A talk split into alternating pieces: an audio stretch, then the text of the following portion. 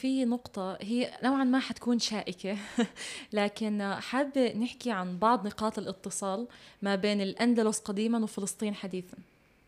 لو في أي نقاط اتصال بينهم إن كان من ناحية انهيار من ناحية من ناحية مش شرط كثير فلسطين الخلافة الإسلامية إيه، يعني يعني كما عام. ذكرنا في بداية الحديث نحن قلنا إن الدول ديدنها أنها تبدأ بدايات قوية ثم تبدأ بالإنجاز. وتصل إلى مرحلة علو ثم بعد ذلك تنهار. تبدأ بالضعف. لا نقول الانهيار تبدأ بالضعف. وإن شئت الانهيار السقوط. الدولة الإسلامية كما قلت لك بدأت قوة على أيام الأمويين ثم امتدت هذه القوة. نصل إلى مرحلة ضعف عند فتن البربرية خلل إرباك. ثم ملوك الطوائف إرباك. ثم قوة في عهد ابن تاشفين قوة صاعدة. ثم إرباك في نهاية الدولة آه، ثم آه، المرابطين ثم قوة في عهد الموحدين ثم ضعف ثم قوة في عهد بني الأحمر. هكذا هو ديدن آه، الدول. آه، ماذا أريد أن أقول لك عن التاريخ بشكل عام؟ التاريخ العربي. هذا التاريخ حافل بالإنجازات حافل بالقوة منذ الفتوحات الإسلامية. لكن الناظر إلى ال- الحالة الراهنة لا يجد هذه القوة. آه، يعني وهذا ديدن كما قلت ديدن ال- الدول. الدول تبدأ بحالة ثم تنتهي بحالة. الجميل أن نحافظ على حالتنا. صحيح. لماذا حافظ الخلفاء الراشدون ومن جاء بعدهم على هذه القوة بعد أن انتقل النبي عليه الصلاة والسلام إلى الرفيق الأعلى؟ بيت المقدس ما دام إحنا بنتحدث عن فلسطين بيت المقدس كان بيد ال- البيزنطيين الدولة البيزنطينية فتحه من؟ عمر بن عمر بن الخطاب. وهذا كلام كان في آم، 12 للهجرة. تقريبا. آه، وقال الملك البيزنطي آنذاك لن أسلم مفاتيح القدس إلا إذا حضر أمير المؤمنين عمر. وجاء عمر رضي الله عنه. وتسلم مفاتيح القدس وعاش العرب مع النصارى في هذه في القدس في بيت المقدس بناء على شروط المسلمين ودفع الجزية آنذاك. تحت الحكم الإسلامي. نعم تحت الحكم الإسلامي. وفتحها أبو عبيدة عامر بن الجراح. ثم بعد ذلك جاءت الحملة الصليبية. وقالوا هذا القدس لنا وهذا البيت المقدس لنا وسيطروا على بيت المقدس. فجاء صلاح الدين ال- الأيوبي. وأنقذه من يد الصليبيين. أليس كذلك؟ في معركة حطين. هذا هو تاريخنا. واليوم أنتم ترون ماذا يحدث في بيت المقدس وماذا يحدث في فلسطين تحديدا. يعني هذه ال- ال- البقعة الجميلة التي حباها الله للمسلمين آه، أصبحت بيد آه، اليهود بناء على وعد. وعد مشؤوم من بلفور في سنة كذا وبعد ذلك تقسمت الدولة العربية آه، إلى البلاد العربية إلى كل ينشغل بنفسه. وبقي وبقينا نتحدث عن قضية فلسطين كقضية منفردة بأهل فلسطين. هنا الخلل. فلسطين هي جزء من آه، بلاد الشام جزء من الأردن وقضية الشعب الفلسطيني هي قضية الأردنيين وقضية العرب كلها. صح. لأنه نحن لا نتحدث عن جغرافيا ولا نتحدث عن حدود نحن نتحدث عن أمة عربية إسلامية. لذلك القضية الفلسطينية قضية عربية إسلامية ويجب على كل الأمة العربية الإسلامية أن تتوحد من أجل هذه القضية وأن تحل هذه القضية التي أصبحت قضية شائكة وعسيرة. يعني نحن نتحدث عن آه، من النكبة الأولى من 48 وحتى يومنا هذا واليوم بيحكوا عن نكبة غزة وبكرة ممكن يحكوا عن نكبة 67 وهذه إشكالية. لابد من من جهود عربية إسلامية من أجل آه، يعني حماية هذه البقعة ال- آه، التي باركها الله. هناك كما يقول المؤرخون هناك بقعتان في الأرض هما جنتان أرضيتان. الأندلس وفلسطين. الأندلس وح- ورأينا ما حدث في الأندلس وفلسطين فلسطين. وما يحدث في فلسطين اليوم ونسأل الله تعالى أن يعني يرفع الظلم والاستبداد عن أهلنا في فلسطين بشكل عام وعن أهل غزة بشكل خاص وأن يكتب الله النصر. للعرب والمسلمين إن شاء الله تعالى. إيه، دكتور ليه قررت تتخصص بالأندلس؟ سؤال خطر على بالي هلأ. ليه الأندلس؟ لأنه جد موضوع صعب. والله سؤالك جميل. أنا أصلا يعني عندما دخلت آه، وحصلت على معدل مرتفع في الثانوية العامة أنا حصلت على معدل 89 وكنت في الفرع الأدبي. وأعتقد هذا الرقم في أيامنا على وقتنا كان رقم ليس سهلا. وكنت الأول على مدرستي. حصلت على منحة آه، من التعليم العالي آه، ودرست الأدب العربي عن محبة. وكان بإمكاني المجالات مفتوحة لدراسة الجغرافيا مثلا جغرافيا القانون أيضا. لكن آه، كان الإصرار وبمحبة مطلقة أن أتخصص في الأدب العربي. وكنت أيضا قد وعدت والدتي أنذاك رحمها الله أنني سأخرج من اليرموك أستاذا جامعيا. والحمد لله طبعا من فضل الله طبعا ورعايته ومنته آه، حققت ما كنت آه، أصبو إليه.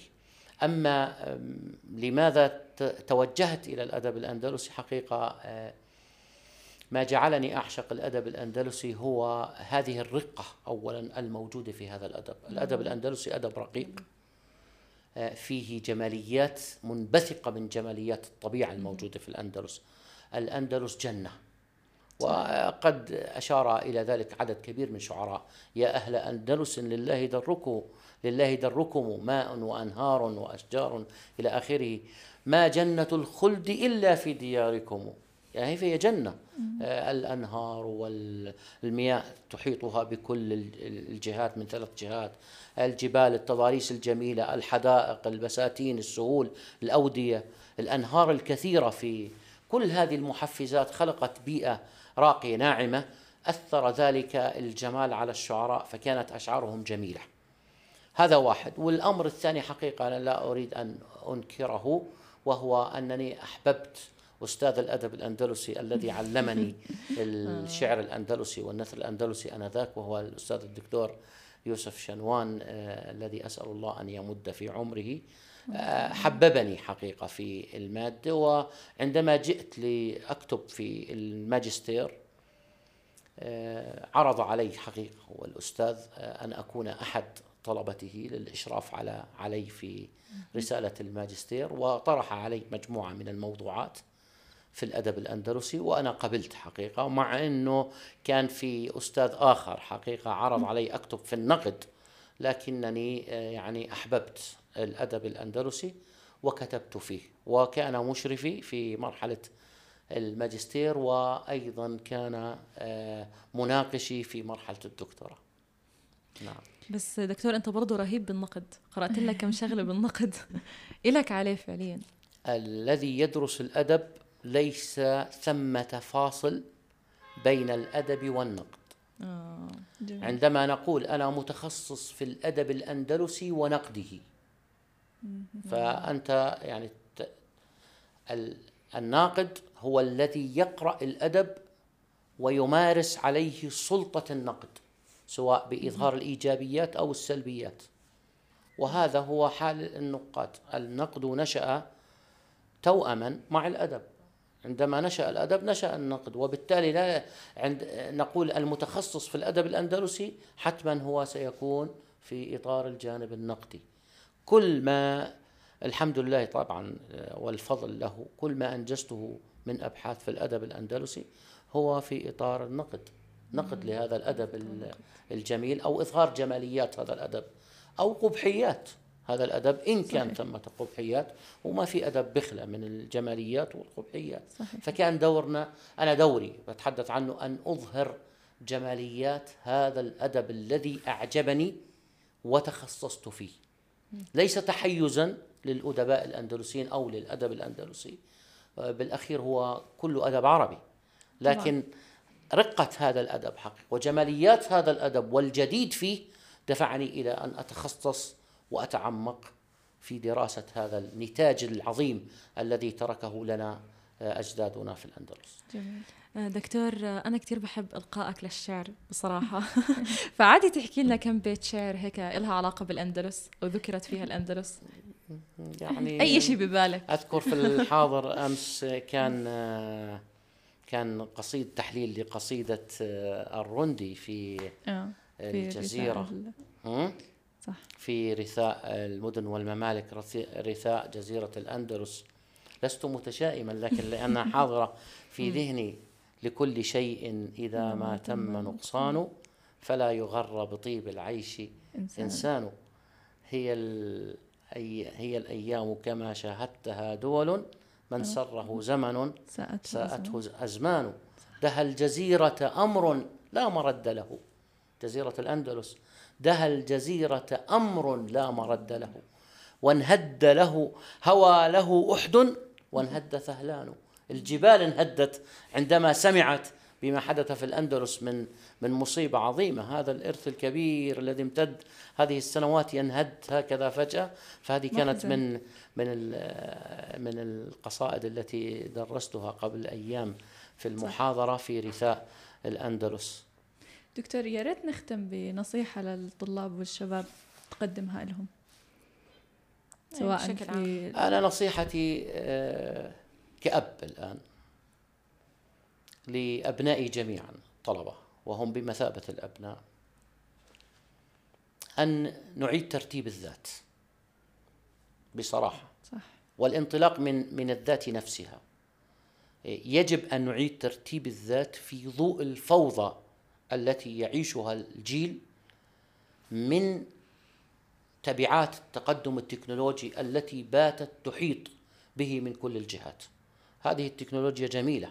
إن أحسن استخدامها ولكنها سيئة أيضا بالمقابل إن لم تستغل بالطريقة السليمة. بصراحة هناك له هناك انشغال. هناك تغييب للتعلم بسبب ظروف كثيرة منها منها مثلا ما بعد كورونا منها التكنولوجيا منها له بمتابعة الكرة والانسجام مع هذا العالم المفتوح الرياضي.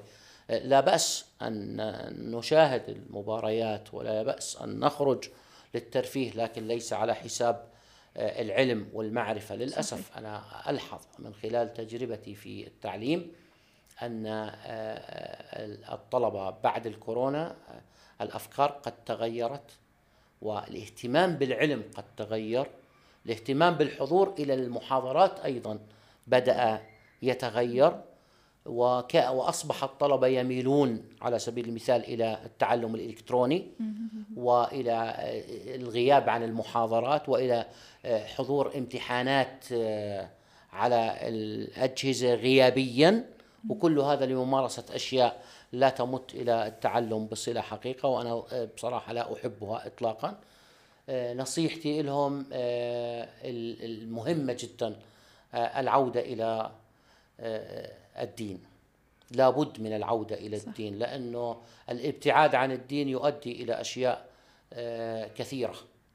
لابد أن نغرس قيم الدين من جديد في نفوس أبنائنا لأن هناك قوى مضادة تحاول أن تبعد أبناءنا أو تلهي أبناءنا عن دينهم. وهذا الأمر مهم جدا حقيقة في ضوء ما نشهده كما قلت من تطور. تطورات وصراعات أيضا. هناك صحيح. صراعات. لابد أن نحمي أبناءنا من هذه الصراعات وأن نقيهم عدوى هذه الصراعات لأنه حقيقة نحن أمام أجيال صعبة.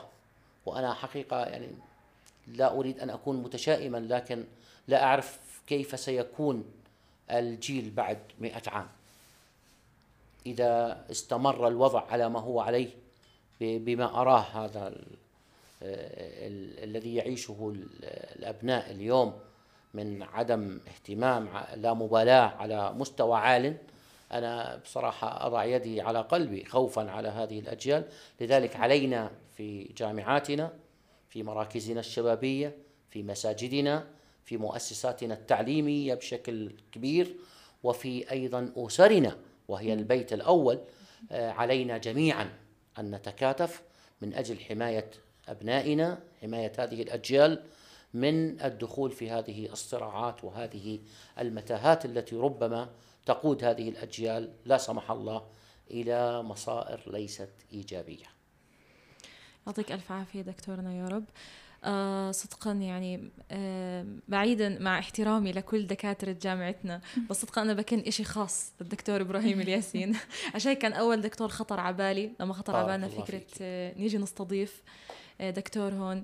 آه، صدقا مش بس من ناحية علم حتى من ناحية دين خلق انضباط من نواحي كثير فيعطيك ألف عافية رب يا دكتور شكرا. لوجودك. حضورك يا. سعدت بهذه أكثر والله. الجلسة الجميلة الحوارية وأيضا من مما أسجل أيضا أن أن أكون بين طالباتي المجدات المجتهدات وهذا أيضا من قبيل التشجيع ما حضرت إلى هذا الاستوديو للجلوس مع طالباتي إلا من أجل التشجيع لهذه الفكرة التي انطلقت من هذا الاستوديو وأنا أضع يعني كل ما تحتاج هذه ال- الجلسات من خبرات بين يدي الط- طالباتي العزيزات ومستعد دائما للحضور في أي وقت للحديث في أي موضوع آه، آه، يمكن أن يخطر ببال ال- الفريق الذي يعمل وإن شاء الله آه، يعني تكون هذه بادرة لطلاب آخرين من أجل. بث مثل هذه الحلقات اللي بتعالج شؤون ثقافية أخلاقية دينية تنوير للطلبة. وأنا أحييكم بصراحة على هذه دكتور. أتمنى من قلبي التوفيق لكنا في هذا المشوار ومرة أخرى على استعداد للحضور في أي وقت تشاء. آه، يعطيك ألف عافية ربي دكتوري. آه، كان معكم سدين خضر. رزان مزهر. ودكتورنا العزيز إبراهيم الياسين في أمان الله ورعايته. مع السلامة. عليكم السلام ورحمة الله.